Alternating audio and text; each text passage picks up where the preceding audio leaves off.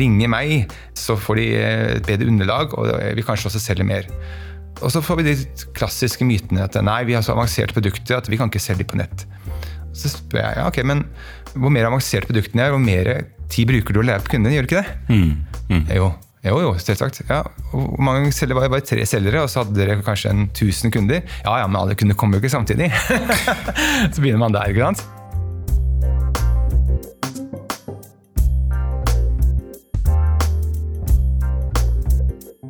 I 2023 er det viktigste både B2B og B2C-aktører kan ta tak i, og forbedre kundeservicen for å redusere usikkerheten for kundene.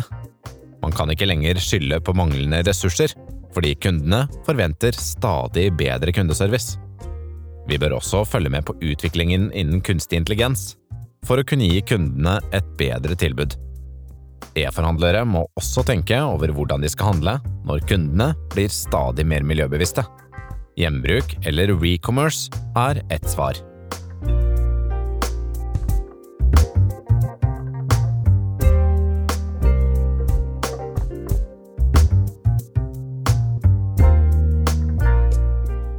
Espen Jensen leder marked sälj på Gurusoft og han er også universitetslektor. Underviser en del om e-handel, eller hur? Ja, stemmer det. Det er. Eh, det er egentlig kjempegøy. Det er eh, morsomt å sitte sammen med de nye generasjonene og se hvordan de tenker, og ikke minst forholde seg til eh, den digitale verden. Mange av de er jo vokst opp med den. Når vi var et kull, du og jeg, som vokste opp med TV og skulle bli firkanta i øynene, som vi, som vi gudskjelov ikke ble, så er helt klart en generasjon som tenker litt annerledes enn meg også. Så det, det, det er veldig gøy. Hva, hva har du lært deg mest av dine studenter? Jeg lærer mer det her med å bli utfordra på vinklinger, egentlig. Og gi de eh, underlag og forståelse av eh, hvordan ting måtte henge sammen. Da. For når jeg spør alltid, jeg begynner alltid med å peke litt finger og, og forstå at dette er en toveiskommunikasjon. Det er alltid skummelt.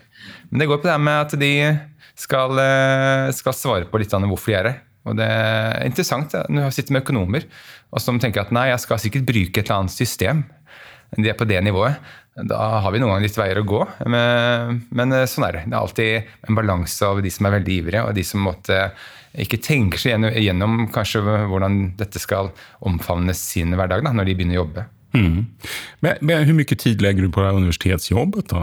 Nei, Dette er jo Sina Gurusoft, eh, og det begynte jo egentlig som gjesteforelesning. Men jeg Aha. så jo det at eh, det var et eh, behov for kanskje litt mer erfaring inn i faget. Og hadde vel litt meninger om en del tips og råd da, for hvordan de kunne gjøre det bedre. Så etter litt eskalering så blei det ja, mitt femte-sjette år i år.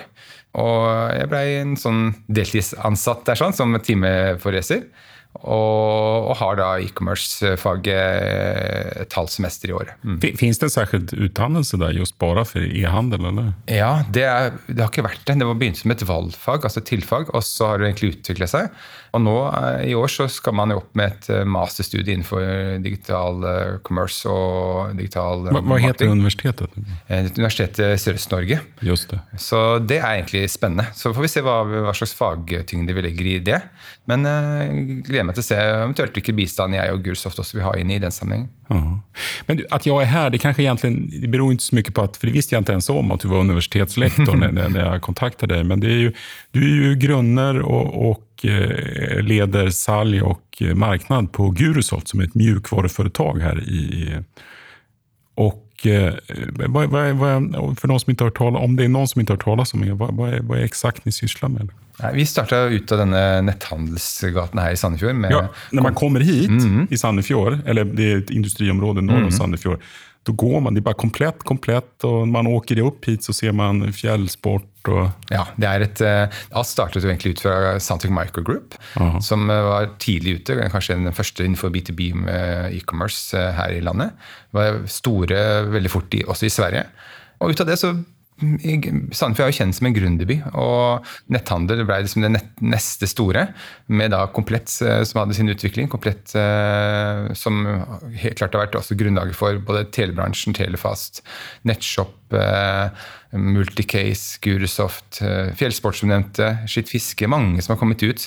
Og det er jo veldig spennende. Så jeg har vært nå i 20 års tid i netthandelsbransjen. Jeg har faktisk bare vært i denne gata. men, eh, men, det, men, det, er veldig gøy å se på hva vi har fått til av kompetanse og erfaring. Um, og ikke minst ja, mye dyktige mennesker. Spiller det noen rolle at dere ligger på samme gata? her? Hjelper det deg i ditt arbeid? Eller? Det hjelper vel egentlig med at vi har vel en god kjennskap til et nettverk. Mye kompetente mennesker i samsvar med flere deler av en verdikjede. Eh, vår produktutvikling har jo startet jo med Sandvik Micro Group, egentlig. Vi er med noe som heter hjemme-PC-caser i, i 99. Og så I 2007 kommersialiserte vi produktet under Gurusoft. Eh, og hatt veldig fokus da på mer forretningsbehov. Da. Så vi har jo helt klart en brorpart av kundene våre innenfor B2B. Mm, mm. Er ni i huvudsak verksamma i Norge eller även utenfor? Ni har et kontor i Sverige? Ja, vi har et kontor i Sverige. Ja. Ganska ganske lite foreløpig, men ja. Eh, det er en start. Vi ser at vår utvikling i Sverige, Danmark, Tyskland, disse, de landene vi er i, da, er vel mer på samsvar med, med partnere og kunder. helt klart. Kunder som har et norsk uh, utspring, og som har gått internasjonalt. Mm. Tanken är ju att vi kanske inte ska prata så mycket mjukvara, även det finns ju kanske intressanta aspekter på det också. Men det är lite, vi, tänkte vi skulle ha lite mer övergripande, om, i och med att du har det här liksom, också universitetslektor och föreläser mycket och så. Att, vilka du ser som de, som de viktigaste trenderna inom e-handel i Norge 2023? Det er alltid sånne der, disse evige diskusjoner hva som er en trend og hva som er en realitet. i Hva er en trend, da? Du er jo universitetslektor. Ja, du kan, kan forklare det her for meg. Jeg vil jo si at En trend ofte defineres som, eh, som et uh, en, det blir jo som et, et budsjett. da, et budsjett. Et budsjett er noe man mener man uh, har et grunnlag til å kunne oppnå mm -hmm. gjennom uh, riktig sysselsetting og, og salg og ressursforbruk. Eh, og så vil vi se om man, om man har bommet på det eller ikke. Og klart Trender er noe man ser over tid som måtte utspiller seg som viktige momenter for eh, et eh, marked å lykkes i. Og på den måten så, så sier jeg at trender helt klart er en, en guide, en veiledning. Og så vil den selvfølgelig ha en veldig digresjon litt ut ifra hvilken bransje du er i og hva du jobber med. Så klart Man snakker om sånne gode netthandelsløsninger eller, eh, eller, sider som vinner uh, ulike netthandelspremier på uh, ulike rewards for Bring eller hva det skal være, så er det kanskje et fokus som er mye på, på forbrukermarkedet, B2C. Men sånn som jeg som jobber med B2B i 85% av markedene vårt, i hvert fall, ser jo at det klart vi har andre fokuser. Men på generell kundedag, tilbake til spørsmålet ditt, så vil jeg si at det, det viktigste jeg tror vi tar tak i nå, inn i 2023, er kundeservice. Kundeservice. Det forholder oss til. Gjør vi ikke det bra da, eller? Jo, men jeg tror at vi vet jo det at vi er et litt annen type setting nå. Man vet ikke helt hva som vil skje. Eh, man har mye usikkerhet. Man vet at eh, priser går opp og flere forhold som forandrer seg. Så kundeservice vil være én del som er viktig, å, å øke kvaliteten. Om det er synlig tilgjengelighet i seg selv for en del bedrifter, er i seg selv en viktig kundeserviceforbedring. Mm. Um, hva, hva, er en god kundeservice, da, innen ditt sett å se på? Nei, jeg vil si at Kundeservice uh, dreier seg egentlig om det å forstå kunden sin optimalt. Mm. Og dermed så vet jo egentlig uh, hver bedriftsleder uh, med sin eventuelt ledergruppe eller markedssjef, salgssjef, kundeansvarlig, hva som er viktig. Og man hvis man underslår det Det er veldig mange samtaler jeg er i, så jeg merker at man underslår egentlig det som man vet er mest viktig for kunden. Eh, og så skylder man på ressurser internt, eller 'vi har alltid solgt på denne måten', osv. Hva er viktigst for kunden, da? Jeg vil si at det er viktig for kunden nå fremover Husk på at kunden forandrer seg nå. Nå går vi inn i en periode med mye usikkerhet. Vi vet at priser går opp. Vi vet at uh, for, med inflasjonsbiten og forholdene så blir ting dyrere. Råvarer blir dyrere. Eh, vi opplever dyre hverdag for oss selv gjennom strøm, og, som er den store diskusjonen, og matvareprisen skal opp nå 10 osv. Og klart at Da har vi mindre å rutte med, som vi sier i Norge. Og Da vil det være forholdet av hvordan du forbruker. Og Dette gjelder forbrukeren så vel som innkjøperen. Man vil da kanskje få begrensa midler. Eh, man vil være mer fokus på hvor man handler, og hvilken kvalitet man får ut av det. Så for noen, noen B2B-aktører blant annet, så er det bare det å være tilgjengelig med riktige priser, riktig informasjon til den enkelte kunde som skal eventuelt handle deg, føle at de har den tilgjengeligheten. Ikke når du er tilgjengelig mellom åtte og fire en gang i tida, men du er kanskje ikke tilgjengelig, for du sitter på, på telefonen og snakker med en annen kunde. Til en liten salgsavdeling med tre som skal serve, serve 250 kunder. Da tilsier at man mangler kanskje den tilstedeværelsen. Og der kan jo netthandelen, e-handelen, hjelpe deg veldig mye. Så jeg tror at kundeservice for hver går på verdikjeden. De har riktig og god betaling, frakt osv. De altså har riktig forholdene rundt eh, det kunden forventer i forhold til sin avtaleforhold, hvis man er en BTP-kunde, med priser og lagerstatus osv. For sluttkunden så er jo det at man hele tida har et forhold av, eh, av, god nok underlag på informasjon og kommunikasjon, at man kan ta en beslutning. Mm. Varför, varför, tror du at det er konsument-e-handlarna som oftast leder utviklingen, som jeg oppfatter i alla fall? Var, varför är det B2B? Varför, varför satsar de ikke 100% på e-handel?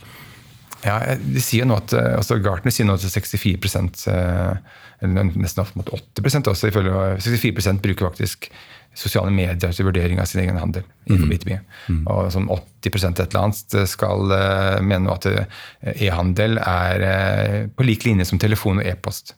Så klart det, Innenfor BTB-markedet så, så, har man måttet forholde seg til en sånn business as usual.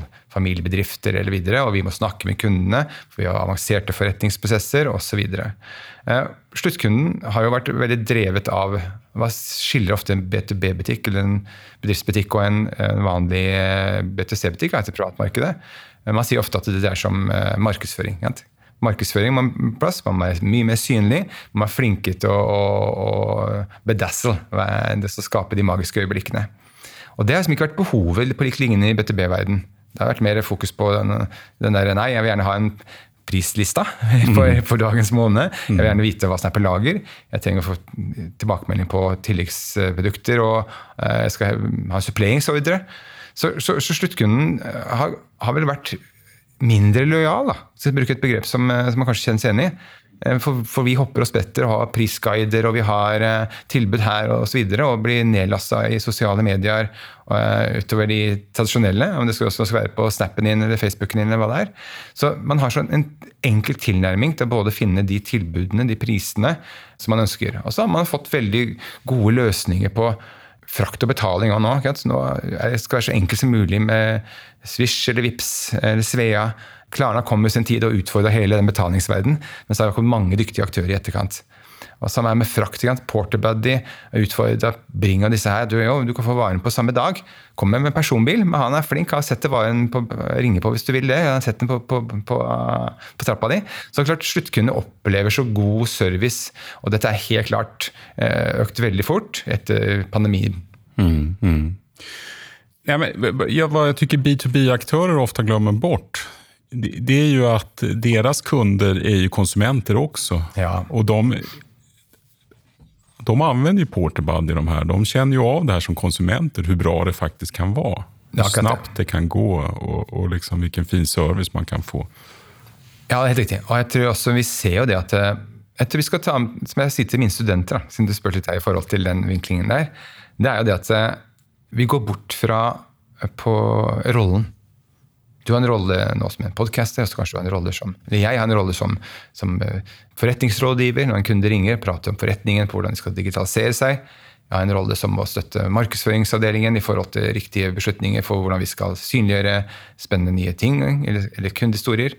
Og så skal jeg sitte sammen med studentene og være en god eh, foredragsholder i forhold til eh, faget e-handel og hvordan de skal omfavne dette her i sin arbeidsvirksomhet når de er ferdig på skolen.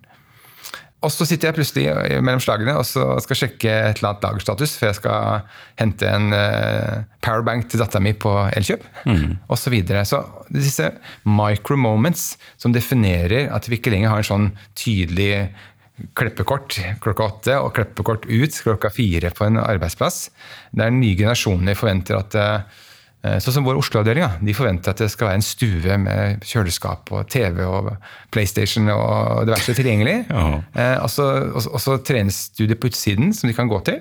Og så jobber de egentlig når de passer seg. Ja. Og det er ikke åtte til fire-tid. Är det svårt för, för, för dig som en annan generation att anpassa dig till det här? Eller tycker du bara sjutton, de ska vara här klockan åtta på morgonen?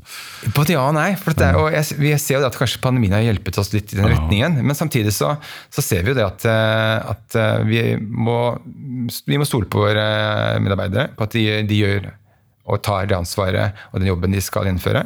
Men tilbake til dette med micro moments. Vi har jo da ikke lenger definert en arbeidsrolle og en, eh, en privatrolle. Dette blander seg sammen i små øyeblikk der vi plutselig skal sjekke et eller annet. Fordi tilgjengeligheten av informasjon er der, og du kan raskt legge en bestilling eller sende mail til rørleggeren din, og så er du tilbake til et kundetelefon og så et møte du skal ha klokka ti. Så B2B-aktøren er ikke lenger bare innkjøperen som skal sende denne faksen eller sende denne e-posten. Det er en person som har en forventning til at det, hvorfor skal ikke kvaliteter, min tid, min ressursforvaltning, være like god via leverandør A, B og C når jeg skal handle fra de, som når jeg handler fra Komplett eller fra Hyttetorget eller en annen butikk som jeg forholder meg til. Det er den biten der, hvordan vi skiller på, på personen fra rollen, og hvordan rollene flytter over hverandre i løpet av en tidsforbruk eh, hver dag, og hvordan vi må tenke ressursforvaltning. Så en B2B-aktør de må tenke mer hvordan er jeg skaper et, et godt øyeblikk når, når mine kunder skal bestille varer eller finne god opplæringsinformasjon om sitt eh, avtaleforhold eller sine produkter. En greie jeg har tenkt på mange, det här har tenkt på i många år, det er det at vi har jo her influencer marketing som, som har blitt så viktig, for, for, særskilt for modebutiker og så, eh, men også innom annet. Men innom B2B, ja, ja, det finns ju så många, det är så många som skulle kunna ta den där rollen och bli, bli liksom sin tales, talespersonen för sin bransch eller för sin lilla nisch. Men det är ganska få som gör det. det ganska, jag, menar, jag vet ju att du har lagt mycket tid på att spela in videos och sådana saker och jobba på. Liksom. Men det är, rätt, det, det, det er vel ganske få som gjør sånt, er det ikke det? Jo, og jeg tror eh, Jeg skal bruke faktisk mer tid på det fremover. Så vi kan jo ta den praten her gjennom et Aha. år, så langt vi har kommet. Men det er, du er inne på, inne på dette her med det vi opplever både parallelt og gjenkjennelig. Selv om vi går på en eh, bransje som jobber med, med, med rekvisita, eller de jobber med tekniske produkter for industri, der det skal være komponenter som skal inn på plattformer og skip. Så hvordan er det de måtte, også kanskje de må gjennom en arbeidsflyt for at komponenten skal eh, kalibreres og justeres i forhold til et eh, bruk. Så nei, nei, vi kan ikke ha disse tingene her på nett. Vi kan godt selge noen teiper og noen kabler. Og så spør jeg meg, ok, men hva er det som er underlaget, da? Altså, la oss gå tilbake til underlaget. Hvordan jobber dere? Hvordan, hvem er kundene deres? Hva er kundene deres opptatt av? Hvordan, hva, hvordan produktstruktur har du? Hvilken, hvilken kundetyper har du i forhold til avtaler? Nei, vi har bedriftskunder, og vi har installatører, og så har vi proffkunder som og forhandler som selger videre. Og Da blir man plutselig se et øye med at det er ganske mange forskjellige um, hatter og roller man forholder seg til i forhold til hva de trenger. Og så man rundt, ok, Tilbake til det med kundeservice. Hvordan gjør du hverdagen deres enkelt? da? Ja, er, det enkelt for de å ringe deg for å spørre etter en lagerstatus eller en, eller en reservedel? Eh, De trenger dokumentasjon for en installasjon på, på, av en komponent. Og Så skal de få tak i det, så ligger de ikke på nettet. og Så ringer Roy, som er key account. Så får de ikke tak i han. Og Jeg var inne på den der at selv for en industriaktør, eller du jobber med installasjon av eh, kjøkken, eller du selger eh, komponenter i en bransje, eller du er en tekstilleverandør, du har hele tida et opplæringsøyemed. Selv da, som Foss Fiberoptikk, da, som er en produksjonsbedrift som jobber med å produsere fiber til telebransjen, er store på Facebook. Hvorfor det?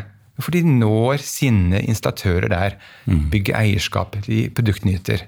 Så jeg vil jo si at det, igjen tilbake til det her med rollene som forsvinner, og deg som person som måtte skal være i fokus. BTB-aktøren detter litt i den, der, eh, i den tradisjonelle, trygge situasjonen at eh, vi må snakke med kundene våre. Vi må, vi må lære de opp. Når de ringer meg, så får de eh, et bedre underlag, og vi kanskje også selger mer. Og så får vi de klassiske mytene at nei, vi har så avanserte produkter at vi kan ikke selge de på nett. Så spør jeg ja, ok, men hvor mer avanserte produktene er, hvor mer tid bruker du å lære på kundene, gjør du ikke det? Jo, jo, jo, selvsagt. Ja. Hvor mange selger var det? Bare tre selgere, og så hadde dere kanskje en 1000 kunder. Ja, ja, men alle kunder kommer jo ikke samtidig. så begynner man der. ikke sant? Oh. Og så kommer man frem til dette her med at eh, Men det finns ju alltid en ursäkt för att inte göra saker. Det, Det, det, det kan man alltid hitta en ursäkt. Om inte annat att man inte har tid. Ikke sant? Det er helt Ja. riktig. Og det er akkurat den biten der du er inne på nå. Det, det dreier seg om forvaltning, kundens ressursbruk. Og jo mer kompleks ting er, jo mer informasjon trenger faktisk kundene. For de ønsker å beslutte kanskje 80 selv. Kanskje skal supplere et eller annet. De trenger ikke prate, men de skal bare vite en lagerstatus. De skal bare vite et forhold rundt eh, et eh, Nei, Nej, men jag tror att det finns... För några år sedan så ringde det upp en kille till mig och jag var vänlig och pratade med honom. Han skulle starta en elektrikerpodd. Och han hade lyssnat på mig. Och jag tog mig tid faktiskt eh, och, förklarade liksom grundläggande saker han borde tänka på. Sen två år senare hör han av sig till mig. Hans podd går kanon. Han tjänar hur mycket pengar som helst. Livet leker. Han är en podd för elektriker. Just det, ikke sant? Va? Ja, det er konge. Och jag jag hade aldrig ens kommit komma på tanken själv. Och de går kanonbra. Ja, det var igjen, hva driver han med? Han driver sikkert med det er å ta opp konkrete situasjoner og, og, og bygge underlag i et fag eh, som, som går på, på tvers av eh, alle retter, egentlig. Du, jeg tenker, det er jo veldig mye snakk om artificiell intelligens nå for tiden. AI. Alle har vel testet ChatGPT. Har du gjort det? Eh, ChatGPT. Har du ikke testet det? nei, jeg tror ikke det.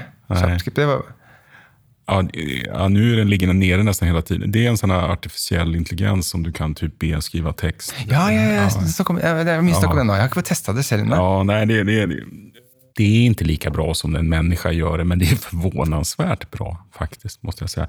Men, men, men ser du så här, som, som driver ett mjukvaruföretag, liksom, artificiell intelligens, är det bara ett buzzword eller, eller liksom, är vi nära att det kommer börja användas på bred inom e-handel? På bred Jeg tror vel vi er en sånn som, Tilbake til du startet her med trender, så er det sånne markedsfolk som meg, som alltid Får jeg beskjed om at vi er i gang med et eller annet på Gurulabs, så har jeg solgt det ikke sant?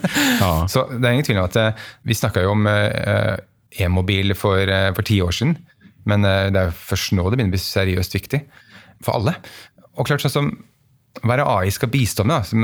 Man, sier AI, så tror jeg mange detter av. Det er et sånn, litt sånn skummelt uh, kort, uh, tobokstavforkortelse av noe de ikke helt uh, klarer også å Man vet ikke riktig hva det Nei, er, vet ikke helt riktig hva det er. Nei. Men så begynner man å bla, bla ned. Da. okay, ofte bruker du talesøker på Google? Ah, hele tida. Mer og mer. Og spesielt når jeg sitter i bil. sier folk, ja, det skal du ikke, men uh, Da kan man kanskje bare trykke på via Teslaen sin, og så søke opp et eller annet, eller ring den, og bla, bla. Så merker man at det er en, en brukervennlighet. Så tenker man ikke på at det er en, en, en AI-funksjonalitet som bare blir bedre og bedre i forhold til din stemme, dine, dine preferanser osv. Og, så og ikke minst også legge opp en del forslag for deg. Så jeg tror helt klart at AI, og jeg syns denne Ikea Place er helt genial. Eh, Så klart at det, det er noen aktører som drar AI-bruken frem. Og jeg fikk jo spørsmål her innenfor B2B igjen. Og installatører som da kanskje ikke skal ha på seg sånne svære briller blant annet, for, for VR, men skal ha på seg bare noen, en enkel liten sånn sak de setter, setter på hjørnet av vanlige, vanlige eh, lesebriller. Men om det er Google-glasögonen, det er Ja. et av de store fiaskoene? Er det ikke det? Ja, jeg, jeg vet, men klart, sånn er det alltid i starten med alt mulig. Ja. Jeg husker jo første, første DVD-en kosta jo 50 000, mm. men uh, etter hvert kosta den 200 kroner. Så, alt skal gjennom en prosess, og det er som man ser også med Metaverse. altså Det skal gjennom en prosess. Og Det er ingen tvil om at eh, nye generasjoner har et helt annet forhold til det enn kanskje du og jeg har. Men det vi har et forhold til allerede, det er jo hvordan vi får en god god støtte fra chat, eller hvordan vi får en halvveis støtte fra chat. Eller hvordan vi får eh, Ikea Place. Eh, sånn som jeg leste også at Porsche nå bruker veldig bevisst eh, AR, altså augmented reality. Det måtte bli, blander det digitale sammen med det reelle. For å få opp eh, bl.a. installasjonsveiledning på komplekse eh, motorutfordringer.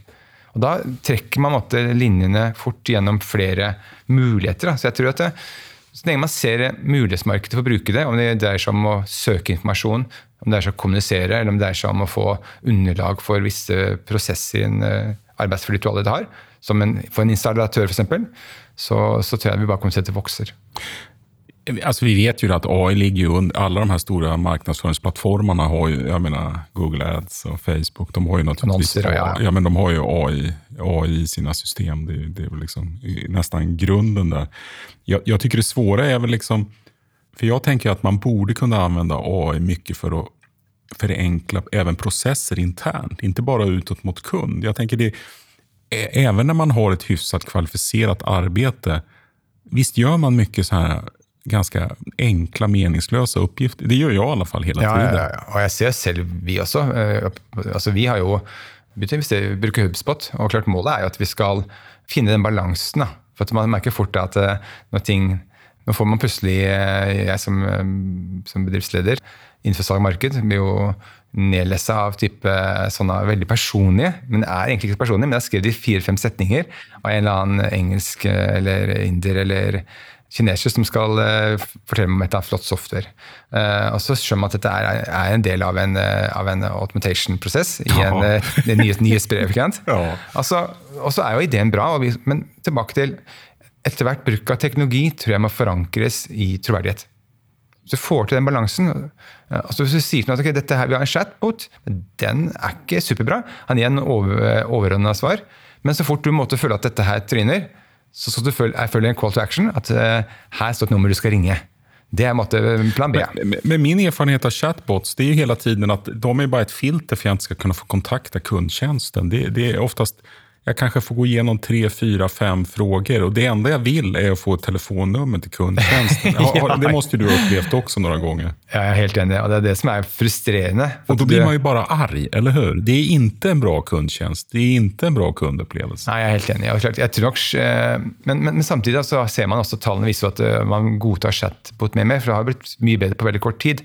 Någon är Jag väldigt... tror det är en generationsfråga också. Jag kan tänka mig att Ja, men selv jeg også måtte synes det chat var helt forferdelig i starten. Og det, er helt, det er fortsatt helt forferdelig hvis det er dårlig. det er, det er sånn Ja. det er. Hvis du måtte holde på med 20 klikk, og du blir kasta tilbake til første spørsmål altså De er ikke interessert i å gi deg, uh, gi deg en tydelig plan B, som du kanskje var der for først. Nei, jeg skal snakke med en av kundeservice. Om, så det er livechat eller at noen ringer meg opp, greit nok, men jeg, her, her må jeg spørre etter noe som Men ikke borde man ikke kunne gi ge kunden det valet? Du kan få snakke med den chatten, garantert svar direkt.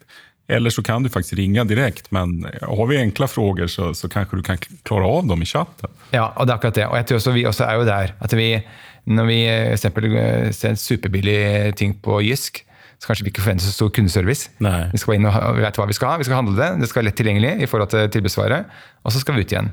Men så klart på den annen side, når vi går på eh, en eh, og skal ha en skreddersydd dress, så forventer vi å kanskje kunne sette oss ned, få service fra topp til tå.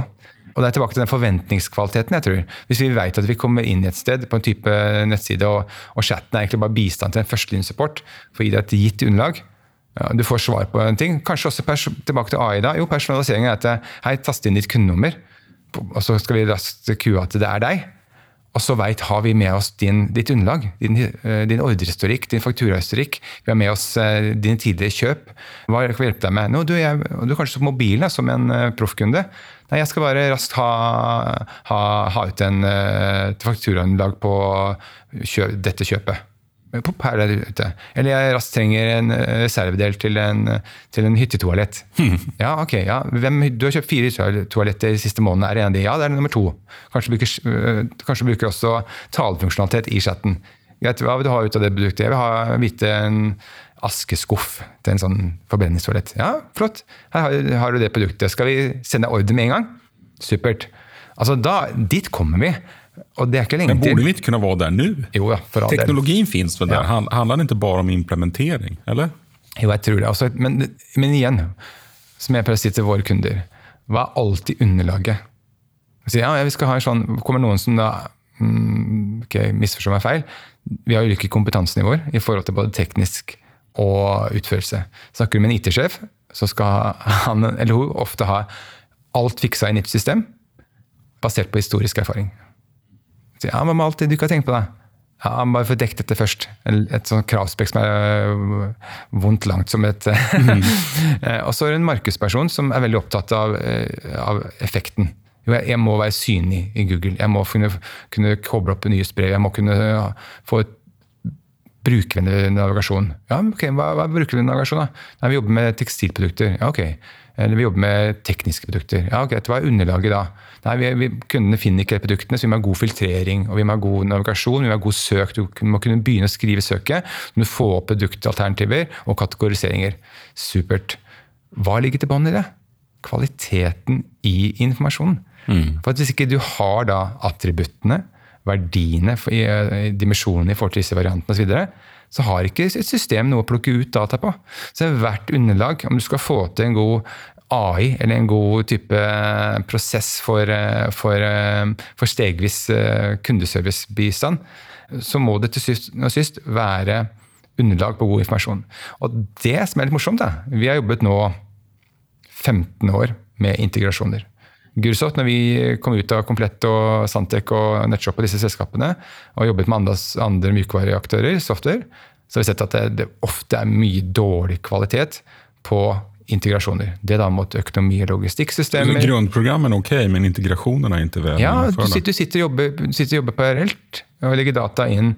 Og så er det som tenker at nei, nei, vi skal bare ha noen produkter på nett, eller vi skal bare fokusere på markedsføringen. Men hva ligger til bunn i Google? da? Google skal ha tak i kvalitetsinformasjon. igjen. Google sier at denne siden her er ikke representativ nok, så den kommer ikke høyt opp i en rangering. For jeg finner ikke god produktinformasjon, jeg finner ikke god videostøtte eller bilder eller underlag eller interne linker osv. Og klart det, hvis du f.eks. spør en B2B-aktør at ja, vi begynte å bruke nettbutikk, men den, den funka veldig dårlig veldig fort. For at prisene var ikke riktig. Og Da ringer jeg Roy, for jeg gidder jo ikke, og jeg vet at jeg, dette ikke de prisene mine. Og her er det et produkt som, som står på lager, men den vet jo jeg fikk beskjed forrige uke at det var utgått. Altså Hvis ikke du har kvalitet i grunndataen din, og det er jo morsomt at vi har jobbet med 15 år, men først nå sier Gartner at det er en viktig trend for 2023 det har gode integrasjoner mot ERP-systemet, eh, som skal gi underlag på eh, oppdatert eh, ressursforvaltning og god, godt underlag for nettbutikken. I og med at e-handel hele tiden växer så hele mjukvarugrejen blir ju viktigere og viktigere. For det kommer jo hele tiden ha en større del av din mm. försäljning, eller hur? Mm. Oavsett om du er B2B eller B2C. Helt klart. Ja. Du, en, en trend som jeg vet ikke hvor viktig den er egentlig, men, men den snakkes jo om, det er jo re-commerce. Ja. Jag vet att, du hadde vänligheten å dele med deg av en presentasjon du har gjort. Och, ja. Så jeg har liksom, plock, jag har liksom cherry-picked litt av dina bästa trender i den.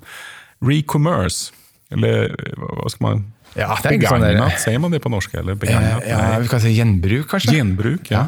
ja.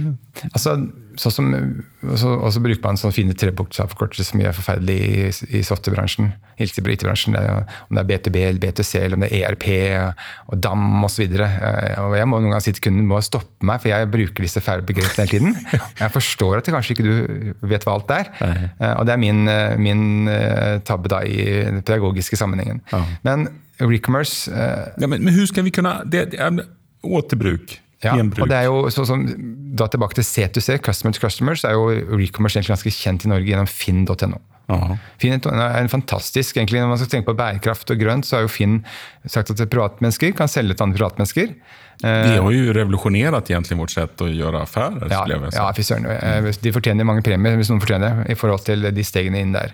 Og klart Til Recommerce har vi også sett at det har blitt litt sånn trend nå i forhold til bærekraftprinsippet. Eh, det å bevisstgjøre, kanskje mest for markedsføring, bevisstgjøre at vi holder på med det. Om det er Ikea som nå har tatt vekk den der Ikea Eh, B-varer. Og nå har det blitt til recommerce-avdelingen, der du kan kjøpe brukte IKEA-møbler som, som, er mm, bærekraftige, og de er eh, kanskje samsatt, satt sammen av tidligere varer som er levert inn, som har vært skade på, og laga nye møbler av osv. Det ses også Lindex og HM, som da har bruktavdeling. Mm. Initiativet er jo det er klær som er gått gjennom, vasket og stykket og diverse. Og, og, fortsatt er kanskje produkter som Du skal ha en svart høyhalsegenser, som er et, et standardprodukt, et uh, basic-vare, som stort sett er likt hvert år. Som du kanskje kan kjøpe brukt. Og så må man spørre, Er det noe business i det? Jeg tror Hver aktør som vurderer recommerce, må vurdere er det business i det.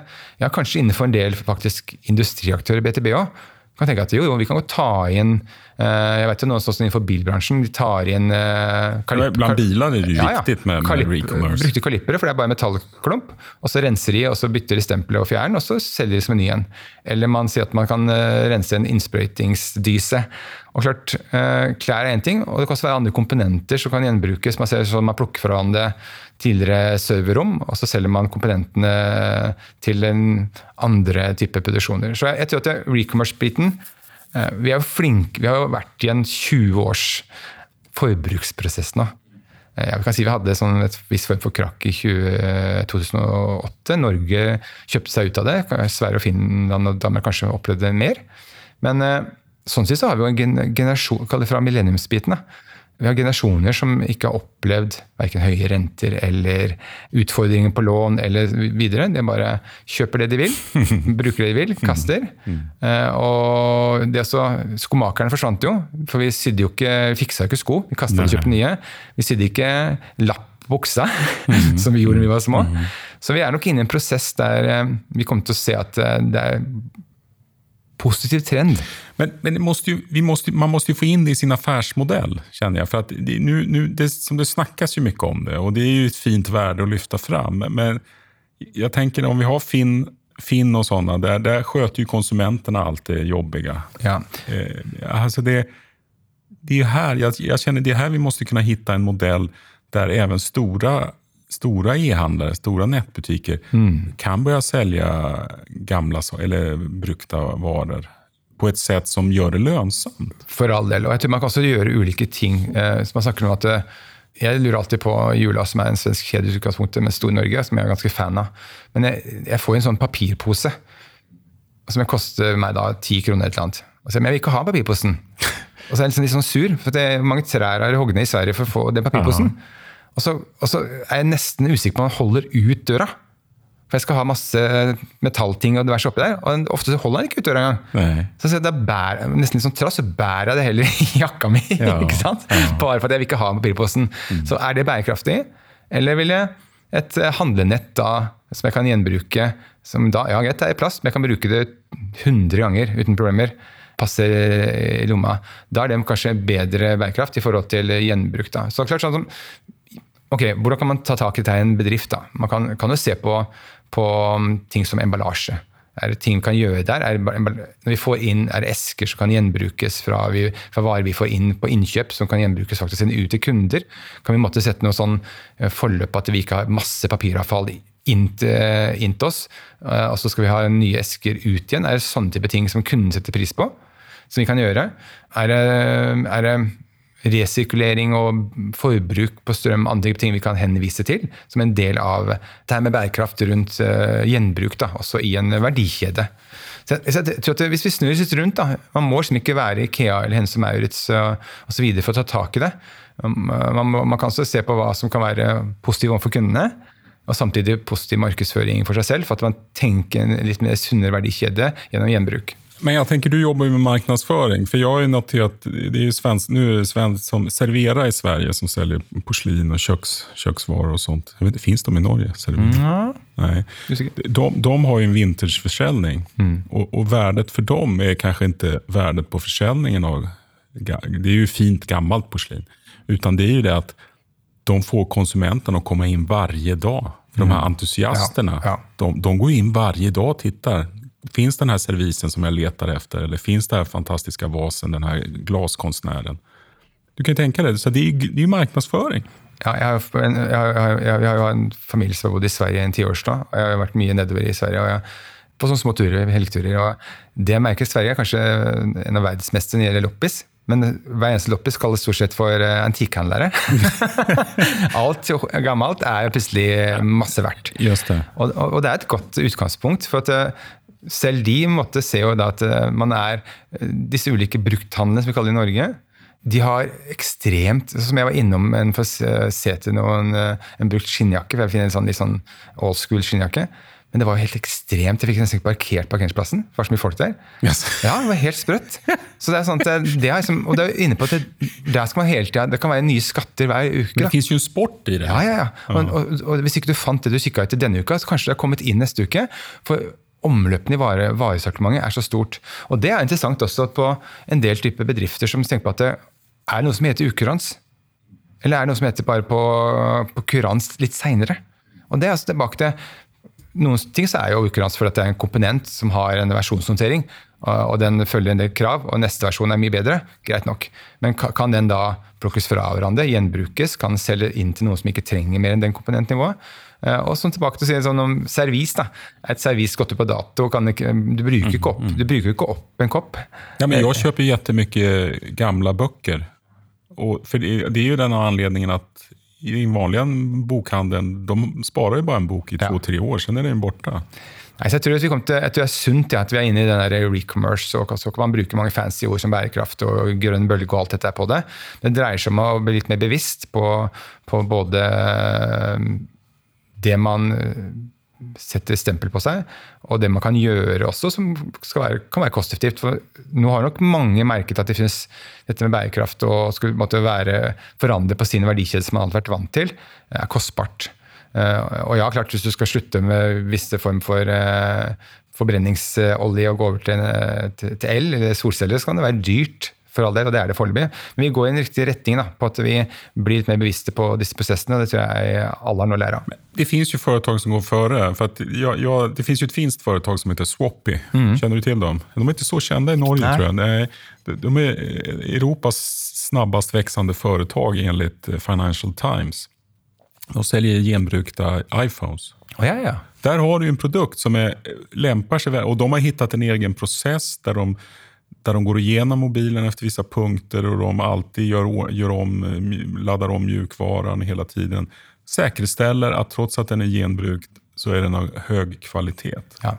I Sandefjord har vi andre. vet du, Vi har Green Mobile og Green Tech. Eh, som har, de gjør samme sak. Ja, så tidlig ute. Og klart, eh, Vi har jo veldig mye aktører som er innenfor hardware i, i Sandefjord. Og, og klart, Hvordan tenke forandring på forretningsmodellen? Jo, kan vi måtte si til en stor aktør at det, det skal ikke bare kjøpe hardware av oss igjen, igjen og igjen, igjen. Vi skal ta tak i det gamle. Og så skal du slippe elavfallsutgifter. Mm. Eh, er det harddisker, ja, da skal vi ta og renske de og, og gi deg sikkerhet på at den dataen er borte. Men så tar vi et utstyr som vi igjen kan kanskje kjøre en eh, litt kvalitetssikring på, og selge til et annet foretak som ikke trenger alt nytt. Og så plutselig er det en, eh, en gjenbruk eh, i seg selv. Det finnes bare noen hundre meter fra der vi sitter. Så de har jo vært med i podden tidligere, Gamera. Ja.